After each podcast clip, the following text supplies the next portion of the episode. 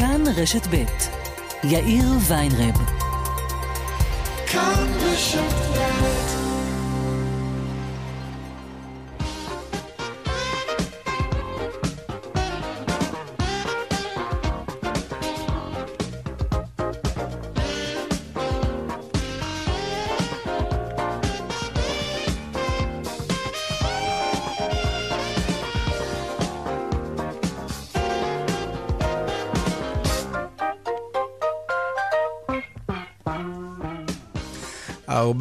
ושש דקות ועוד שבע שניות, כאן צבע הכסף ברשת ב', יום ראשון, שלום רב לכם, שבוע טוב. בניירובי, בירת קניה, רוכבי אופנוע רבים הופכים לנהגי מוניות, אבל על אופנוע. כן? כלומר, הם מתפרנסים מלהרכיב אנשים ממקום למקום בתמורה לתשלום כמובן. אחת הבעיות הגדולות של נהגי המוניות אופנוע היא שבניגוד למונית על ארבע, אותם אי אפשר ממש לזהות, כי, כי זה אופנוע, ומה שלא תעשה לו הוא לא ממש יבלוט כמונית, והיא ממש תתאמץ, זה עלול לפגוע ביציבות של הכלי המסוכן הזה ממילא. אז מי שבא להציל את המצב הוא uh, מעצב אופנה קנייתי, ידוע, כן, שם ידוע, בשם בובין קייס, והוא יעץ ואף סייע לרוכבי המוניות האלה לתפור uh, לבוש מיוחד ובולט במיוחד. בעצם תחפושת. אם תטיילו בין בניירובי ותראו פתאום נמר רוכב על אופנוע, או תוכי רוכב על אופנוע, או חייזר, או שלד אדם, אל תיבהלו, זה נהג מונית שרוצה שתדעו שהוא לא סתם רוכב על אופנוע, הוא לגמרי שם בשביל לקחת אתכם לאנשהו. הוא חי מזה, גם אם הוא נראה עכשיו כמו זומבי. זאת רק תחפושת. ודרך להתפרנס כמובן. כאן צבע הכסף מעכשיו עד חמש רונן פולק עורך את התוכנית, אביגל בסור ומפיק צבע הכסף. הטכנאי רומן סורקין, אני יאיר ויינרב, הדואל שלנו כסף כרוכית כאן.org.il. אפשר ליצור קשר גם בדף הפייסבוק המעולה שלנו, כאן ב'. אנחנו מיד מתחילים.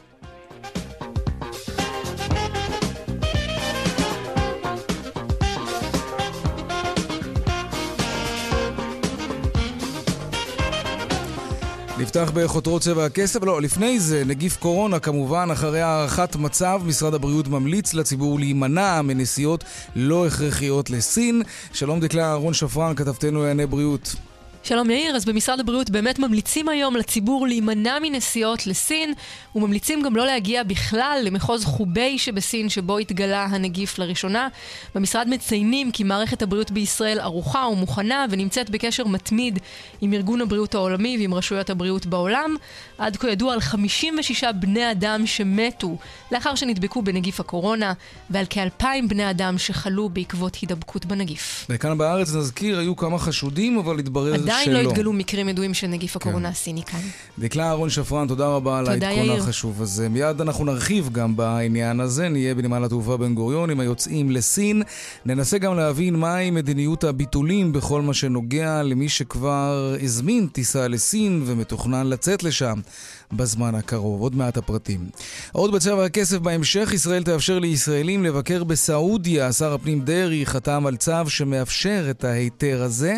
נדבר על כך, מה עוד צריך כדי להיכנס למדינה הזאת שאין לנו יחסים דיפלומטיים של ממש איתה, כן?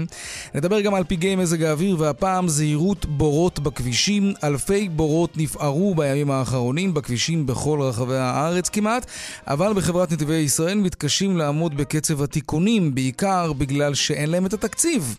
מדובר בסכנת חיים של ממש, אבל אין את התקציב. נעסוק בזה. חברת uh, סייבר ארק הישראלית מתרחבת לבאר שבע ומודיעה על פתיחת מרכז פיתוח בפארק ההייטק בעיר. החברה החלה בגיוס עובדים למשרות פיתוח שונות. המרכז יספק 100 משרות לתושבי הדרום. הנה אודי מוקדי, מנכ"ל, יושב ראש ומייסד CyberArk. פתיחת הסניף של CyberArk בדרום הארץ תואמת את ערכי החברה ומהווה חלק מתהליך ההתרחבות התמידי שלנו, כתוצאה מהביקוש ההולך וגובר למוצרים שלנו ברחבי העולם. אנחנו בטוחים שהסמיכות לקמפוס חיל התקשוב, לאוניברסיטת בן גוריון, למותגים גלובליים ולסטארט-אפים שיושבים בקריית הסייבר בבאר שבע, יהוו יתרון עצום ל CyberArk ולעובדים שיצטרפו אלינו. ועוד בצבע הכסף, בפעם הראשונה נתח הפרסום בדיגיטל עולה על זה של הטלוויזיה. נדבר על כך. וגם אם נספיק, נעסוק בירושות. לא דבר משמח בכלל, כשאנשים הולכים לעולמם. מה קורה אבל עם מי שנפטר לא כתב צוואה? אילו השלכות כלכליות יש לדבר כזה על היורשים החוקיים? והפינות הקבועות שלנו כמובן, חיות כיס כרגיל מדי יום בסביבות 4 ו-30, והדיווח היומי משוקי הכספים. אלה הכותרות, כאן צבע הכסף. אנחנו מיד מתחילים.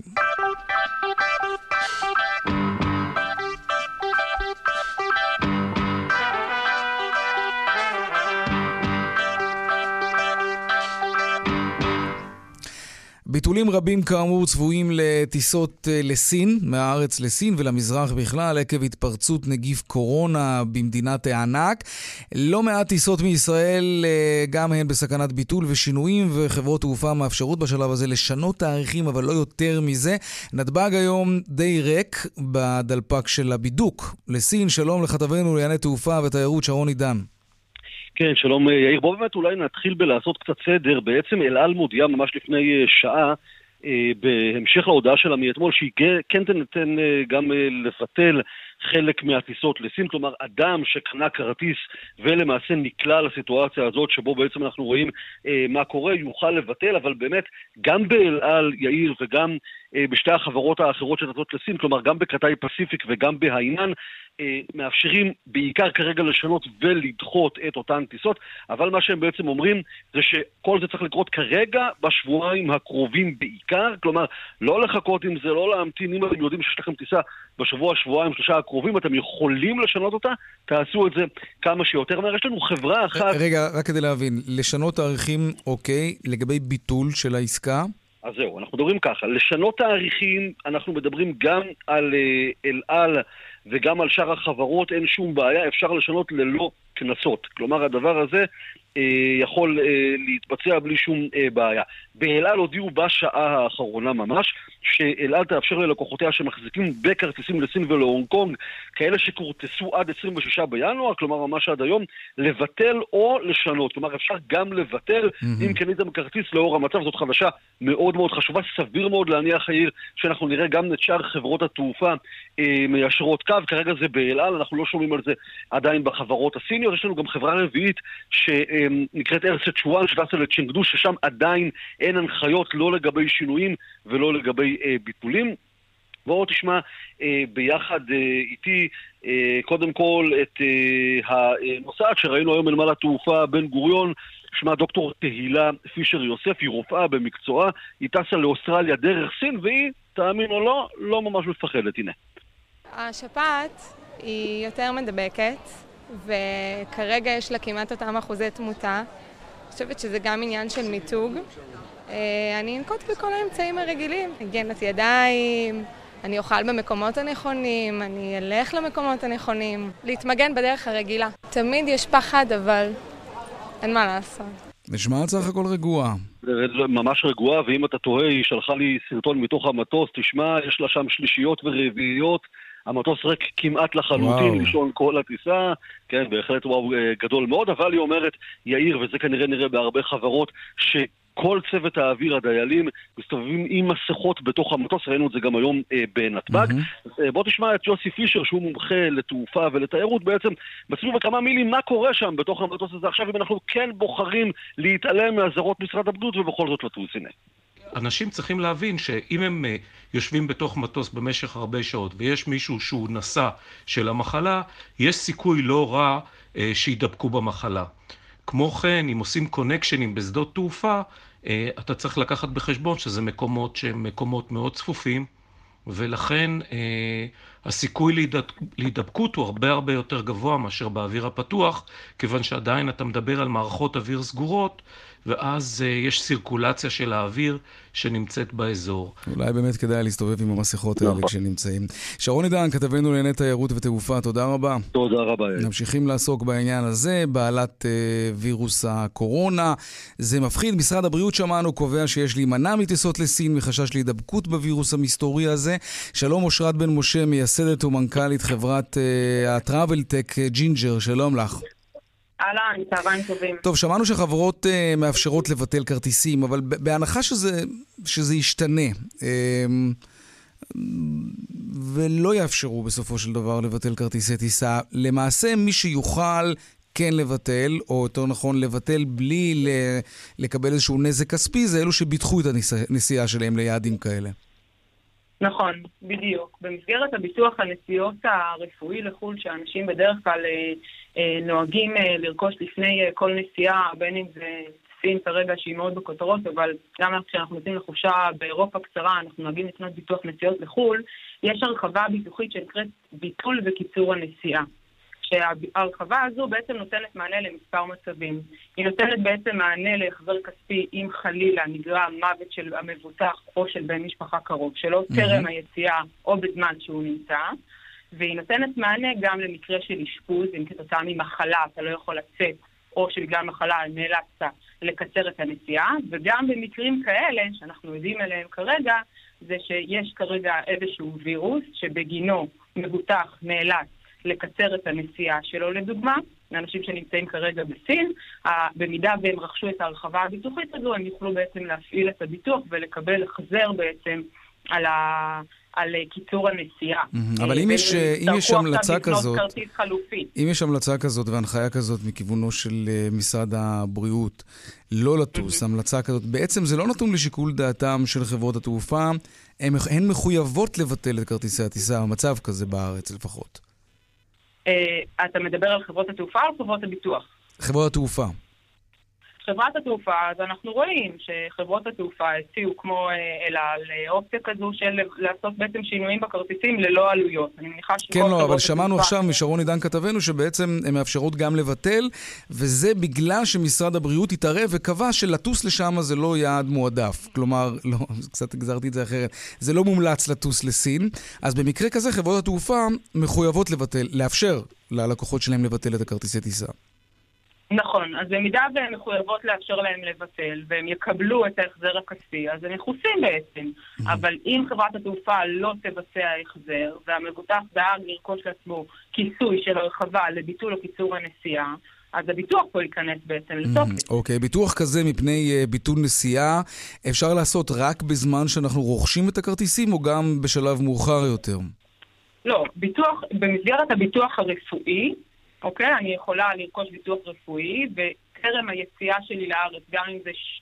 יום לפני, אני יכולה להוסיף את ההרחבה הזו. בדרך כלל אנשים רוכשים את זה בעת רכישת הביטוח הרפואי, הם מוסיפים את ההרחבה הזו. Mm-hmm. ויש ביטוח נוסף שנקרא ביטוח לביטול הטיסה מכל סיבה, שהוא בעצם מאפשר למבוטח לבטל את הנסיעה שלו מכל סיבה שהיא ביוזמתו. שלהבדיל מהמקרה הנוכחי, כי זה בעצם לא נגרם כתוצאה מהיוזמה שלו הביטול, אלא מ...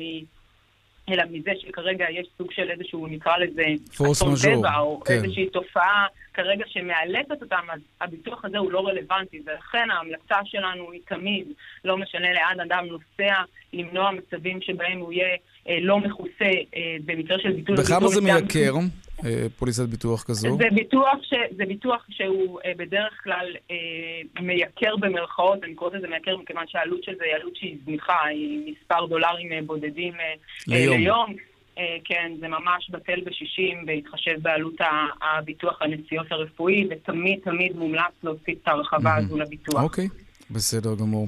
תודה, אושרת בן משה, מייסדת ומנכ"לית חברת ה travel tech ג'ינג'ר. אני חייבת להודות, אני חייבת, סליחה, לציין עוד, אה, עוד נקודה חשובה, מאחר ואנחנו נותנים מענה להרבה מאוד חברות הייטק ולקוחות עסקיים בארץ. כן. המדיניות של רוב חברות ההייטק במקרים כאלה, הם כרגע הנטייה שלהם היא בכלל לא לשלוח את העובדים שלהם והן נמנעות, mm-hmm. נמנעות מזה מראש. כן. אז זה משהו שככה חשוב גם להגיד אותו, שהם נוקטים בכל אמצעי הזהירות האפשריים כדי למזער, okay. אוקיי. למזער כמה שיותר פגיעויות. תודה רבה, אושרת בן משה. תודה לכם. טוב, אנחנו נשארים להתראות. נשארים באוויר, אה, או על הקרקע, איך שלא מסתכלים על זה. שר הפנים אריה דרעי חתם היום על צו שמאפשר לראשונה לישראלים לטוס לסעודיה למטרות של עסקים והשקעות, וזה קורה מטבע הדברים על רקע התחממות היחסים בין שתי המדינות.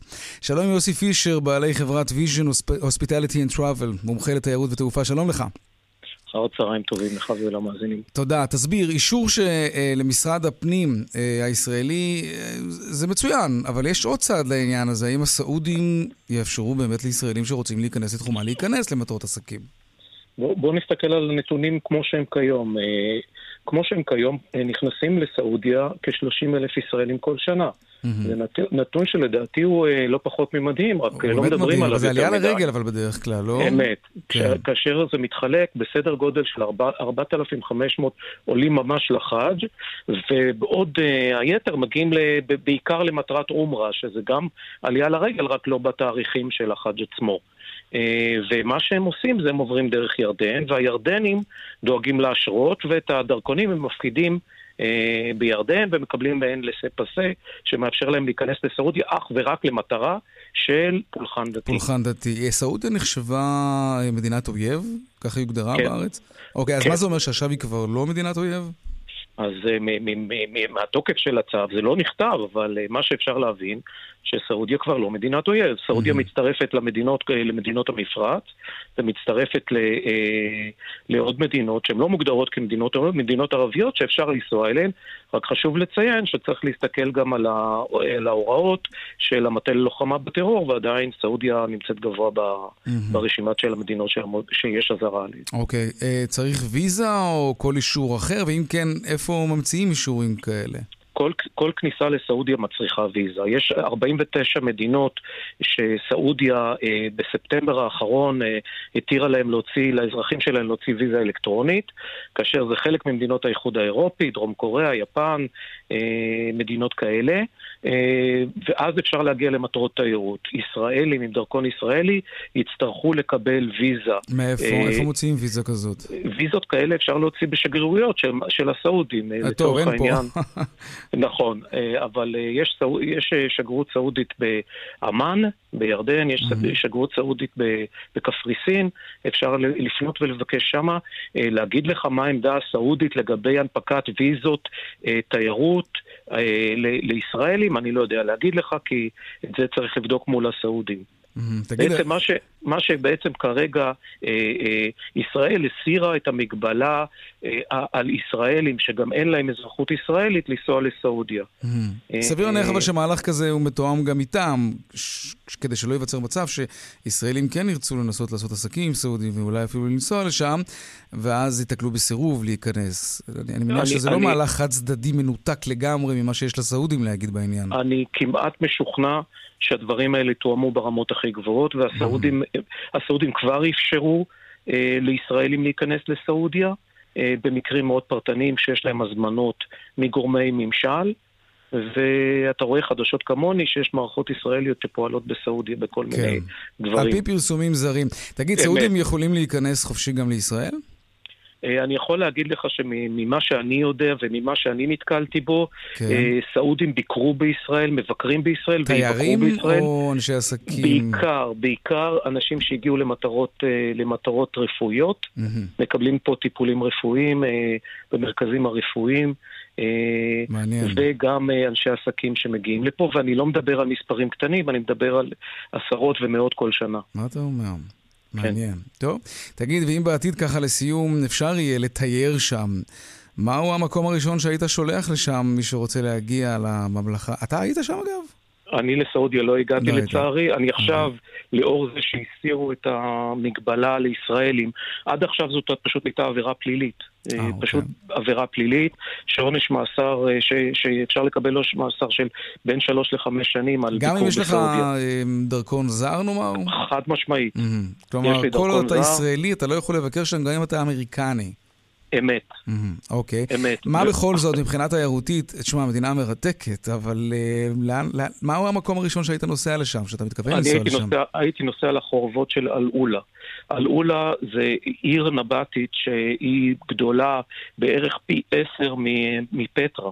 מהמם, אתר מורשת עולמית, אוקיי. שאני רק ראיתי אותה בתמונות ובסרטים שאני קיבלתי מקולגות סעודים בירידים, וזה פשוט צריכה להיות אה, חוויה הם שימרו את, מדהימה. ה, את הפגניות הזאת. לגמרי, Mhm. לגמרי, הם לא פגעו, אה, להבדיל ממדינות מוסלמיות אה, אחרות, ששם קיצוניים פשוט פוצצו, אה, אה, פוצצו את הפסלים, וה... כן. נכון. בסעודיה שמרו על הכל, ויש גם בסעודיה הרבה מאוד מורשת יהודית, שאני מניח שבהזדמנות אחרת, בשיחה אחרת, אנחנו נוכל אולי להרחיב עליה. כשתחזור משם, מתי תטוס? אני מקווה שבקרוב. אני ממש מקווה טוב, בקרוב, אתה... אני כבר מתחיל לעבוד משם, על ויזה. תשדר לנו משם, תזכור, קבענו. אני, אני, אני מבטיח, מה שעוד רציתי לציין שהסעודים בשבוע שעבר עשו כנס תיירות גדול בסעודיה, בריאד. כן. עוד דבר שמראה על הפתיחות שלהם לעולם, השתתפו בו 350 איש. ישראלים? אה, והיו 90 מרצים. כאשר הדגש הוא על תיירות לסעודיה. אוקיי, ישראלים היו אין- שם? נציגים ישראלים היו? לא, לא. אה, אוקיי. קנה מידה בסעודיה בשלוש שנים הקרובות ייפתחו 150 אלף חדרי מלון חדשים. 150 אלף, הם בישראל יש מבינים 55 אלף. שהנפט כבר בעוד כמה שנים לא יהיה מה שהוא היום. לגמרי. חכמים מבינים את זה. לגמרי. יוסי לגמרי. פישר, בעלי חברת Vision Hospitality and Travel, תודה רבה, מומחה לתיירות ותעופה, תודה. תודה רבה. טוב, נושא חשוב מאוד. אה, החורף נותן עבודה השנה, כן, ללא ספק, והדבר בא לידי ביטוי בכנרת ובמאגרי המים שמתמלאים, וזה- נהדר. מה שפחות מבורך הוא המפגעים שמזג האוויר יוצר בתנאי הדרך ובעיקר בתשתיות הכבישים. בשבועות האחרונים נוצרו אלפי בורות בכבישי הארץ, מה שמהווה סכנה, לפעמים סכנת חיים של ממש למשתמשי הדרך. שלום יהודה נתנאל, סמנכ"ל תפעול והחזקה בחברת נתיבי ישראל. מע"צ לשעבר, שלום לך יהודה. אחר הצהריים טובים. על כמה בורות אנחנו מדברים ברחבי הארץ? אנחנו מדברים אה, סדר גודל של אה, אלפי בורות, למעלה משלושת אלפים בורות, וזה נתון שמשתנה. אתה יודע, גם כשמתפתחים בורות, אנחנו אה, בשעון נגד הזמן על מנת לתקן אותם ולהביא למצב בטיחותי יותר טוב. חשוב רק להגיד שזה די פלסטר כדי לבצע עבודה כן? משמעותית. Mm. צריך בעצם לרבד, לקרצף ולרבד את הכבישים. למה זה לא נעשה כמו ש- בחודשי הקיץ? כלומר, אה, מה שנקרא, להתכונן. אכן רכבך לחורף, הכינו את כבישכם לחורף. אנחנו מדברים בדיוק על אותו דבר. אתה יודע, לבצע החזקה מונעת, כמו לצחצח שיניים, כמו לעשות טיפול מונע לרכב שלך, בסופו של דבר מונע את הצורך לבצע טיפולי שבר, ומבחינתי לפחות מונע את המפגעים. אנחנו בשנת עבודה 2019 חלה ירידה דרמטית בתקציבים שניתנים לנו, ובעצם אנחנו הפנינו את למה? מרבית למה זה קרה, אגב? בגלל הפלונטר הפוליטי גם, או שזה לא קשור? בשנת 2019 אה, חל אה, ירידה משמעותית של סדר גודל של אה, בין 500 ל-600 מיליון שקל בתקציבים שהוקצבו לטובת ההחזקה מסיבות רבות. אבל אני כמי שאני מנהל את אה, החזקת הכבישים, שזאת רשת- כבישים ענפה, אדירה, מדן ועד אילת, למעלה מ-9,000 קילומטר מסלול, צריך להבין שהתקציב שמוקצה לנו, אנחנו בסדרי העדיפויות מתעדפים אותו קודם כל לטיפול בתאונות דרכים ולעבודות שבר וכולי. כמו כל מערכת בטבע היא נדרשת לבצע עבודה מונעת. התקציבים שנתנו לנו ב-2019 אבסולוטית לא אפשרו לנו לבצע החזקה אתה מונעת. מדבר על קיצוץ של חצי מיליארד שקלים במשהו כל כך חשוב. אני מתפלא פשוט למה אנחנו שומעים על זה בפעם הראשונה רק עכשיו, ואיך יכול להיות שכשאתם באים, לא יודע מה, לאנשי משרד התחבורה או לאנשי משרד האוצר, ואומרים להם, זה עלול לעלות בחיי אדם, ועדיין 500 מיליון שקלים פחות ב-2019. איך קורה דבר כזה? את התמרור אנחנו שמים לא היום, אנחנו שמנו כבר בשנת 2019. ההבנה שלנו שמי שלא מטפל ומבצע החזקה מונעת יפגוש את המפגעים האלה לאחר החורף. וזה יעלה יותר. לצערי, מה זה, מה זה יעלה יותר? זה עולה דרמטית יותר. את אותו כביש שיכולתי להשקיע בו איקס כסף, על אותו קטע בדיוק, שאמרתי, תיתנו לי בקיץ לבצע בו, עוד לפני שיש שם בורות, היום אני צריך להשקיע 1.5 איקס. כי כבר מה שנקרא השן רקובה. צריך לעשות טיפול שורש. טיפול שורש. למי אתה אומר את. הדברים האלה? מי קיצץ לכם בתקציב? תראה, התקציב של אה, נתיבי ישראל לטובת תקציב ההחזקה ירד אבסולוטית בין שנת מי 2017 מתקצב אתכם? 2018 משרד האוצר או משרד התחבורה? מתקצבים אותנו הרגולטורים, משרד האוצר, משרד התחבורה. התקציב ירד באופן משמעותי. תראה, טוב, אנחנו לא נפנה אליהם מיועד... לתגובה כמובן, זה דברים מאוד מאוד חמורים מה שאתה מספר. אגב, את, אתם לא חוששים מתביעות ענק? זה, זאת הרי האחריות שלכם בסופו של דבר, למרות שהתקציבים ירדו. אתם לא מתריעים ואומרים נגיד למשרד התחבורה או למשרד האוצר, יתבעו אותנו, יתבעו אתכם? הרי זו, זו לצערי- תשתית שהציבור לצערי- אמור לצערי להשתמש בה לא ללא חשש. לצערי יש לא מעט תביעות שאנחנו מתמודדים איתן כבר היום. כן? תראה, שנת 2019 עברה. מה שאותי מצער זה שנת 2020 שהתקציבים הם בדיוק כמו בשנת 2019. ואני גם לא רואה איזשהו עתיד מאוד משמעותי מבחינת אופק הקצאת התקציבים. בשנה הבאה, לדבר כן. הזה יש משמעות. לנהל רשת כבישים ולהשקיע בהחזקת כבישים זה לא מותרות. זה תנאי הכרחי מבחינתנו, ברור. ביכולת שלנו לתת לאזרח לנסוע על תשתיות אתה יודע, תקינות. אני, אני מנסה לדמיין רוכב אופנוע שנתקל בבור כזה בכביש במהירות של, אתה יודע מה, אפילו 70 קמ"ש, אמ, אני לא בטוח שהוא שורד את זה. אגב, היה ניסיון לפני כמה שנים לסלול כבישים מבטון, נדמה לי שיש ליד מושב בקוע כביש כזה. אמ, הכבישים האלה מבטון מחזיקים יותר מעמד? הניסיון שלנו הוא פחות טוב, ביצוע כבישים בבטון הוא יותר נפוץ בארצות הברית, אצלנו יש בכביש מספר 3 שבוצע לפני אה, לא מעט שנים. ולמה לא... הבעיה היא במינטננס, בהחזקה שלה לאורך זמן. Mm. ברגע שיש לך צורך לבצע תיקון באספלט, אנחנו יודעים לעשות את זה בצורה מאוד פשוטה. כשהבטון עצמו יש בו פגיעה לאורך זמן, אז תיקון על בטון הוא הרבה יותר בעייתי. אנחנו עשינו הפקת לקחים, וכרגע לפחות השיטות הנהוגות בנתיבי ישראל של סלילה בתערובות אספלטיות, זאתי השיטה הנכונה בארץ, עשינו את זה, סך הכל רשת הכבישים שלנו עד השנה האחרונה מטופלת, אנחנו יודעים לתת מענה אפילו טוב מאוד. מי שלא נותן כסף להחזקה מונעת, שלא יתפלא שהוא מתעורר אחרי החורף עם הרבה ומשלם מאוד יותר, תורות. ואולי גם צריך כבר עכשיו מצפון. לדאוג לזה כן. ולהשקיע, כי גם נצטרך לטפל בכבישים, גם העלויות הן יהיו הרבה יותר גבוהות, וגם חוויית המשתמש היא מאוד מאוד בעייתית, ואנחנו מודעים. לזה. כך או כך, כל מי שנוסע ויודעים, אנחנו כוכבית 2120, להרים טלפון, ויש כסף, אין כסף, אנחנו מגיעים על מנת לתת מענה מקומי, כמובן בהתאם לתקציבים שקיימים. כוכבית 2120. יהודה נתנאל, סמנכ"ל התפעול וההחזקה של חברת נתיבי ישראל, מע"צ לשעבר, תודה רבה. אנחנו מזמינים כמובן את משרד התחבורה ואת משרד האוצר להגיב על הקיצוץ החד בתקציב החזקת הכבישים ברחבי הארץ. הרבה מאוד. בורות מסכני חיים. תודה רבה, יהודה.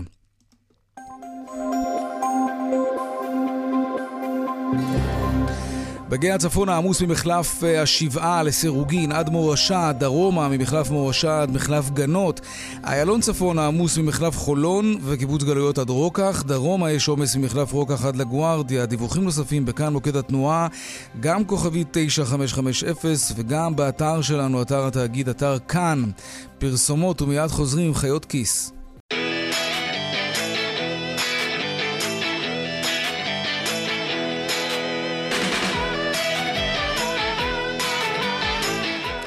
שלושים ושש דקות אחרי השעה ארבע, חיות כיס עכשיו, אתם שואלים וחיות כיס עונות, ואפשר לשאול בטוויטר, השטג חיות כיס ללא רווח כמובן, ואפשר גם בדואל שלנו, כסף כרוכית כאן.org.il. היום שאלה של אסף, והוא שואל כך, למה יש אומנים שקיימים בספוטיפיי, אבל לא נגישים מישראל? כלומר, יש מוזיקאים שפשוט לא מופיעים בספוטיפיי, סבבה, זה מובן, אבל יש כאלו שנמצאים בספוטיפיי ופשוט לא נגישים לחשבונות ישראליים. מה זה BDS? למה זה ככה? תענו לי בבקשה, חיות כיס יקרות. שלום דנה פרנק, חיית הכיס היקרה שלנו. שלום, שלום. מה אנחנו אומרים לאסף? ובכן, התשובה היא הרבה יותר אה, בנאלית, איך לומר, והרבה פחות דרמטית מאשר ה-BDS. אוקיי. הסיפור הוא כזה, ספוטיפיי היא אפליקציה, יישומון, יש לומר, בעברית, שמאפשר לנו האזנה למוזיקה. אנחנו, משתמשי הקצה, משלמים סכום חודשי, ובתמורה מקבלים גישה להמון המון מוזיקה. לפי דיווחים שונים, מדי יום עולים לספוטיפיי כ-40 אלף שירים. וואו. יותר מ-14 מיליון שירים בש... מדי שנה, זה די מדהים. אבל חלק מהמוזיקה הזאת חדשה כמובן, אבל חלקה מגיעה מקטלוגים ישנים. איך מוזיקה מגיעה לספוטיפיי? דרך מפיצים מורשים בלבד. אם אני ואתה, יאיר, מקימים עכשיו, כאן ועכשיו באוויר, צמד אה, דואו קטן, אני, אתה וגיטרה, אנחנו רוצים להתחיל להפיץ את המוזיקה שלנו בספוטיפיי. מאוד רוצים. לא, לא בעצמנו, אנחנו צריכים לפנות למפיץ מורשה שיודע לתקשר עם החברה. עכשיו, ספוטיפיי משתמשת במפיצים האלה כדי להגיע בעצם ל- ולשלם תמלוגים לאומנים. בישראל המפיצים האלה מקשרים אותה לעכו"ם. נניח שבדודה שלי מאיה, שחיה בניו יורק, רוצה להאזין לסטטיק ובן-אל, כמובן, והיא רוצה, נכנסת לספוטיפיי ומחפשת אותם. מי שאחראי להעביר את דמי המנוי שלה כמנויה אמריקאית לאומן הישראלי, זה המפיץ האמריקאי של אותו אומן. אתה מבין מה אנחנו אומרים כאן? Mm, בעצם כן. לא המפיצים אה, של סטטיק ובן-אל ב- בישראל, אלא המפיצים האמריקאים כן. שלהם.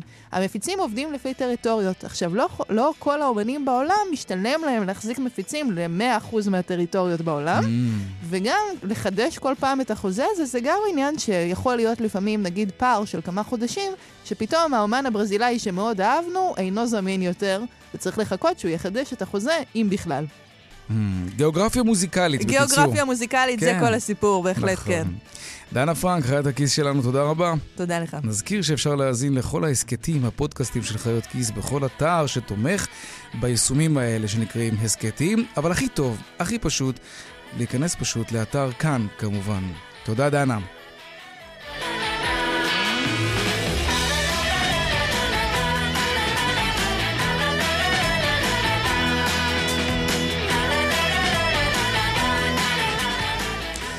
מאות, מאות סטארט-אפיסטים צעירים התכנסו ביום חמישי אה, בעמק החולה לאירוע שנקרא NorthTech, כן, אה, טכנולוגיה צפונית, נקרא לזה. מדובר באירוע שמאגד תחת קורת, קורת גג אחת את כל הקהילות הטכנולוגיות במרחב של הגליל והגולן. זוהי השנה השנייה שהכנס הזה מתקיים כדי לחזק יזמים מקומיים. רובי אמרשלה, כתבנו בצפון, מדווח. מאות יזמים עם ברק בעיניים התקבצו ביום חמישי במלון גליליון בצפון בכנס חשיפה ליותר מ-150 יזמי סטארט-אפ. מאחורי היוזמה נמצאת חולה ואלי, קהילת היזמות, חדשנות וטכנולוגיה הגדולה ביותר באזור הגליל והגולן. מדובר בהתארגנות ששמה לה למטרה להתמודד עם ההגירה השלילית בגליל, שנגרמת עקב מחסור בתעסוקה איכותית. הקהילה מובלת על ידי מתנדבים תושבי האזור, שבחרו לקדם את הסביבה היזמית בפריפריה הצפונית. עודד מנוחין ויהל לובן, שניהם מיוזמי חולה ואלי. אם מיזם פה יצליח, או יהיה פה יותר מקומות תעסוקה, ויהיה פה יותר עתיד למי שמסיים פה תואר, מי שרוצה להגיע לפה מהמרכז, ולמנוע את ההגירה השלילית מהאזור. באו מחמש מדינות ובאו מעל 34 משקיעים, פשוט מאוד. מה ייחשב להצלחה? לפחות שלושה סטארט-אפים שגייסו בכנס הזה, ולפחות אחד שמצא לקוח רציני בחו"ל. בפחות משנתיים של פעילות חברים בחולה ואלי יותר מ-70 חברות הזנק. הקהילה מקיימת שלל אירועים אשר מאפשרים חשיפה הדדית של יזמים, משקיעים, קשרי חוץ, חברות ובעלי עניין. יש סטארט-אפ שעזרנו לו להתחבר לגוף שגייס יחד שלושה מיליון דולר. החברה הזאת כבר הקימה את השלוחה של השנה שעברה פה. היום היא מעסיקה 12 עובדים. הפעילות הזאת היא לא ממשלתית, היא לא תאגידית, היא מובלת על ידי מתנדבים שגרים כאן ורוצים שיהיה כאן תע- תעסוקה טובה יותר, וגם אה, אפשרות לחלום ולהגשים. בין אגפי המלון נפתחו דוכנים שבהם ניסו הסטארט-אפיסטים לגייס משקיעים. אחד כזה הוא דולב כץ, במקור ממטולה, שפיתח יישומון לטיולים. אם מהיום הזה אני אצא עם כמה פגישות המשך להשקעה, שזה מה שאני באתי להשיג פה, אה, מבחינתי זה יום להצלחה וכבר הוא מסתמן כ- כיום כזה. גם יזמים ממרכז הארץ, כמו אודי פרץ, באו לכאן כדי לנסות את מזלם בצפון. אנחנו מחפשים השקעה כרגע ונוצרו פה כמה חיבורים מעניינים. היעד הוא לגייס ולהתחיל לעבוד אה, גדול.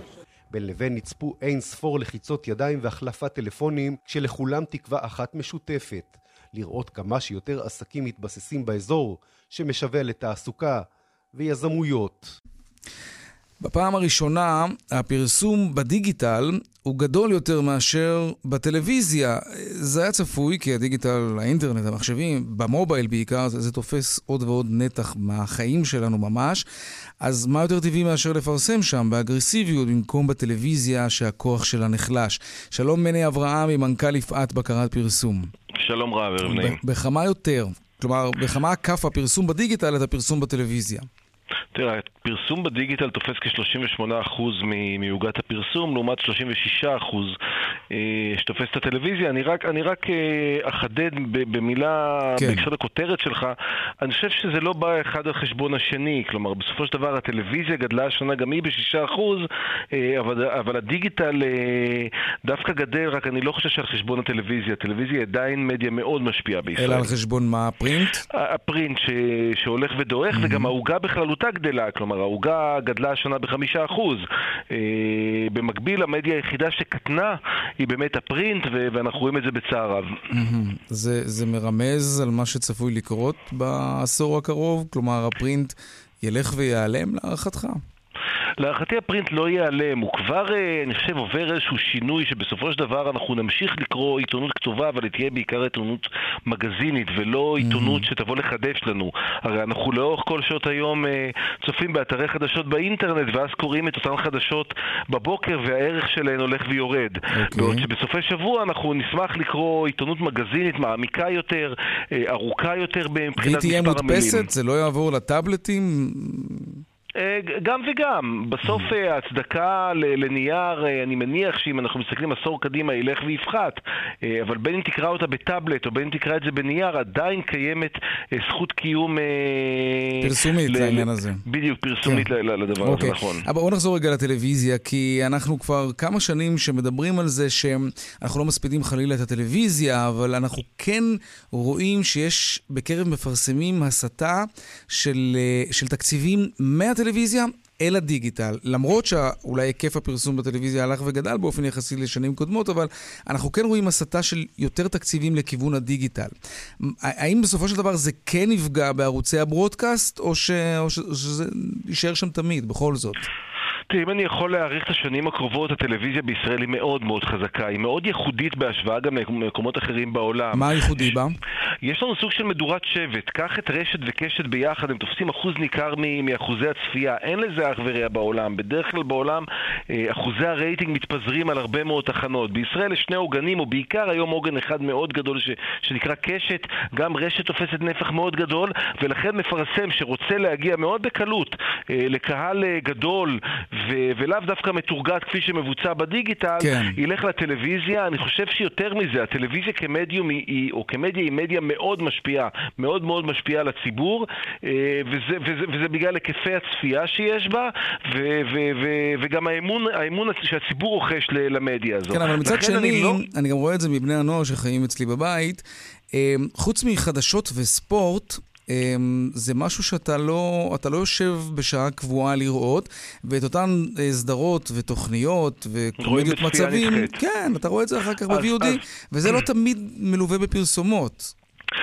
אז נכון, ולכן ואם כן, גם... זה בדיגיטל.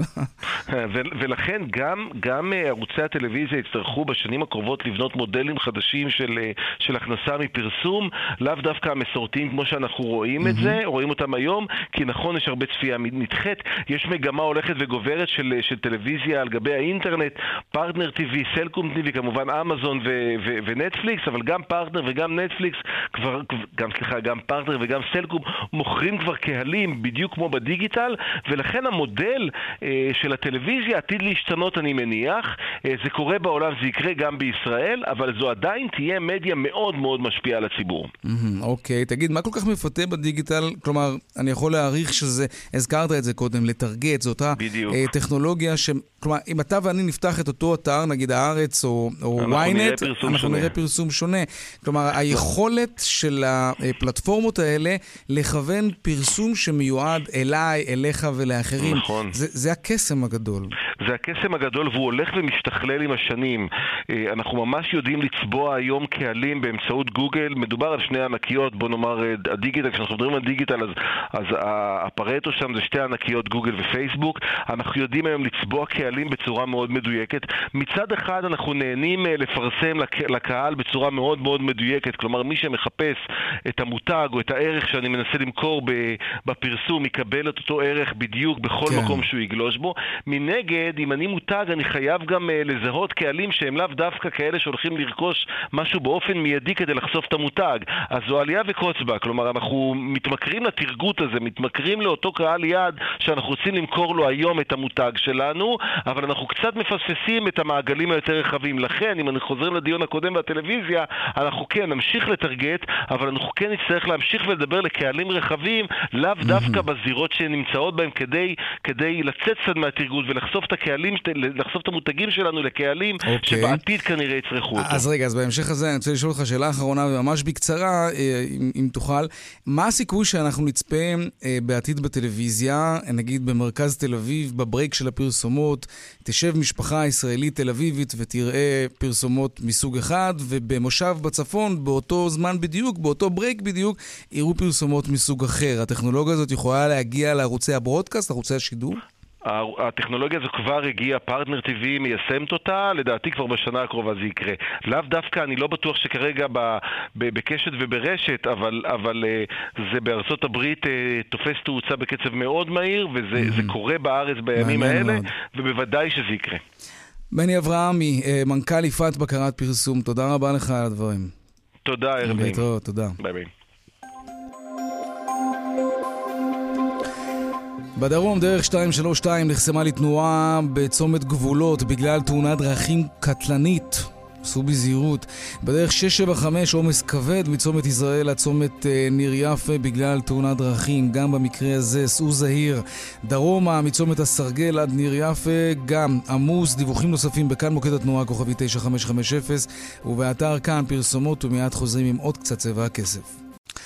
תשע דקות, שמונה דקות עוד רגע לפני השעה חמש. איש עסקים דרום קוריאני, מיליארדר בן 97, הלך לעולמו ולא השאיר צוואה כתובה. הבנים של המיליארדר מתקוטטים עכשיו על הרכוש העצום והעסקים שהוא השאיר, אבל זה לא חדש, כי הם התחילו לריב עוד כשהוא היה בחיים. כדי שיפסיקו לריב, בתי המשפט יצטרכו עכשיו להחליט מה הולך למי וכמה, אם בכלל. הרי האבא שלהם לא השאיר כאמור צוואה. שלום אה, עורכת הדין הילה צעירי. מנהל, שלום וברכה. שלום, מנהלת מחלקת דיני משפחה וירושה במשרד גדעון פישר, שלום לך. שלום וברכה. עד כמה זה נפוץ שהורים הולכים לעולמם ופשוט משאירים את הילדים ללכת מכות? Uh, הרבה פעמים. ההורים uh, פשוט לא, לא נותנים את הדעת ולא חושבים uh, לערוך צוואה. אה, ומשאירים את הילדים אה, בעצם שותפים ברכוש, אה, ולפעמים הילדים פשוט לא יכולים לנהל את הרכוש הזה יחד, בטח ובטח כשמדובר ברכוש כל כך רב עם עסקים וחברות. כן, אבל, אבל, אבל יש, אני מניח, חוק יבש, כלומר, הרכוש, מתח... אם אין צוואה כתובה והוראות ברורות, אז הרכוש מתחלק שווה בשווה. אולי, אולי החישובים מסובכים, אבל הנוסחה היא פשוטה, בהיעדר הוראה מפורשת, לתת יותר לילד כזה או אחר, אז מתחלקים שווה בשווה, לא? מתחלקים שווה בשווה זה בסדר, אבל מה שכל אחד צריך לבדוק עם עצמו זה האם החלוקה הזאת שקבועה בחוק מתאימה לו ולמשפחה שלו. לקחנו פה סיטואציה שבן אדם כבר היה אלמן או גרוש, אבל בסיטואציה שבה יש בני זוג, אה, אז החוק היבש, כמו שאמרת, החיסרון שלו זה שהוא יבש.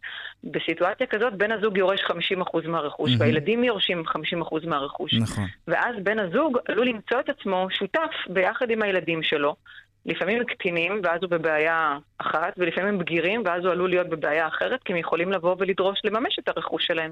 כולל את דירת המגורים, אגב. שזאת סיטואציה נוראית ומעוררת, אה, גורמת לצמרמורת. תגידי, אה, למה אנשים לא משאירים ירושות? זה, זה קורה בכוונה? זה סוג של הבעת מחאה על הטיפול בהם כשהם היו זקנים ונזקקים? או שאנשים פשוט לא מבין, מבינים עד כמה הדבר הזה חשוב? זאת שאלה מאוד מאוד גדולה. Uh, אני חושבת שאנשים לא נותנים את הדעת לשני דברים. אחד, לזה שהם ימותו, מתישהו, כי לכולנו נראה הגיוני שאנחנו בטח נגיע עד גיל 120, ולא חס וחלילה כל הדברים האלה שאתה קורא בעיתון, זה כמובן לא קשור אליי. Uh, אז זה כשל אחד. כשל שני זה שהם לא יודעים מה המשמעות של החוק, ומה באמת צריך לקרות בסיטואציה כזאת. היה לי מקרה של בחור ששקל את אשתו למחלת הסרטן, שזה היה תוצאה שידועה מראש עם, עם כל הצער, ושאלתי אותו, אז, אז למה לא עשיתם צוואה? כי בגיל 18 הוא היה צריך לשלם לכל ילד את החלק שלו בבית. צ'ק צ'ק הוא חילק. והוא אמר, אני לא ידעתי, אני חשבתי שאם קורה לה משהו אז הכל עובר אליי, בשיא התמימות. אז אני חושבת שאחד זה נושא שאנשים לא תמיד רוצים להתעסק בו, ולא רוצים לחשוב שזה עלול לקרות. ומצד שני, לא מבינים באמת את התוצאות ואת המשמעות, מה, אתה, מה קורה אם אתה באמת לא מטפל בזה.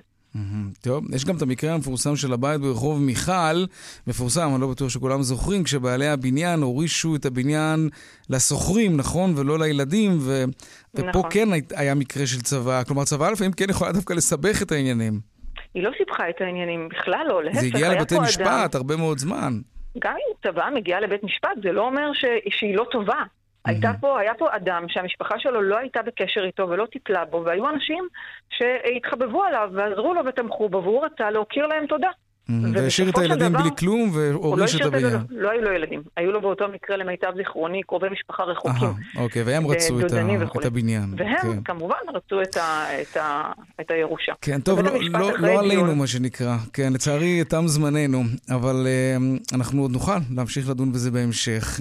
עורכת הדין הילה צעירי, מנהלת מחלקת דיני משפחה וירושה במשרד גדעון פישר, תודה רבה. תודה, תודה. עכשיו לעדכון היומי משוקי הכספים. 102 bid for 108 200, take them. שלום רונן מנחם, כלכלן ראשי מזרחי טפחות. שלום יאיר. איך נפתח שבוע מסחר?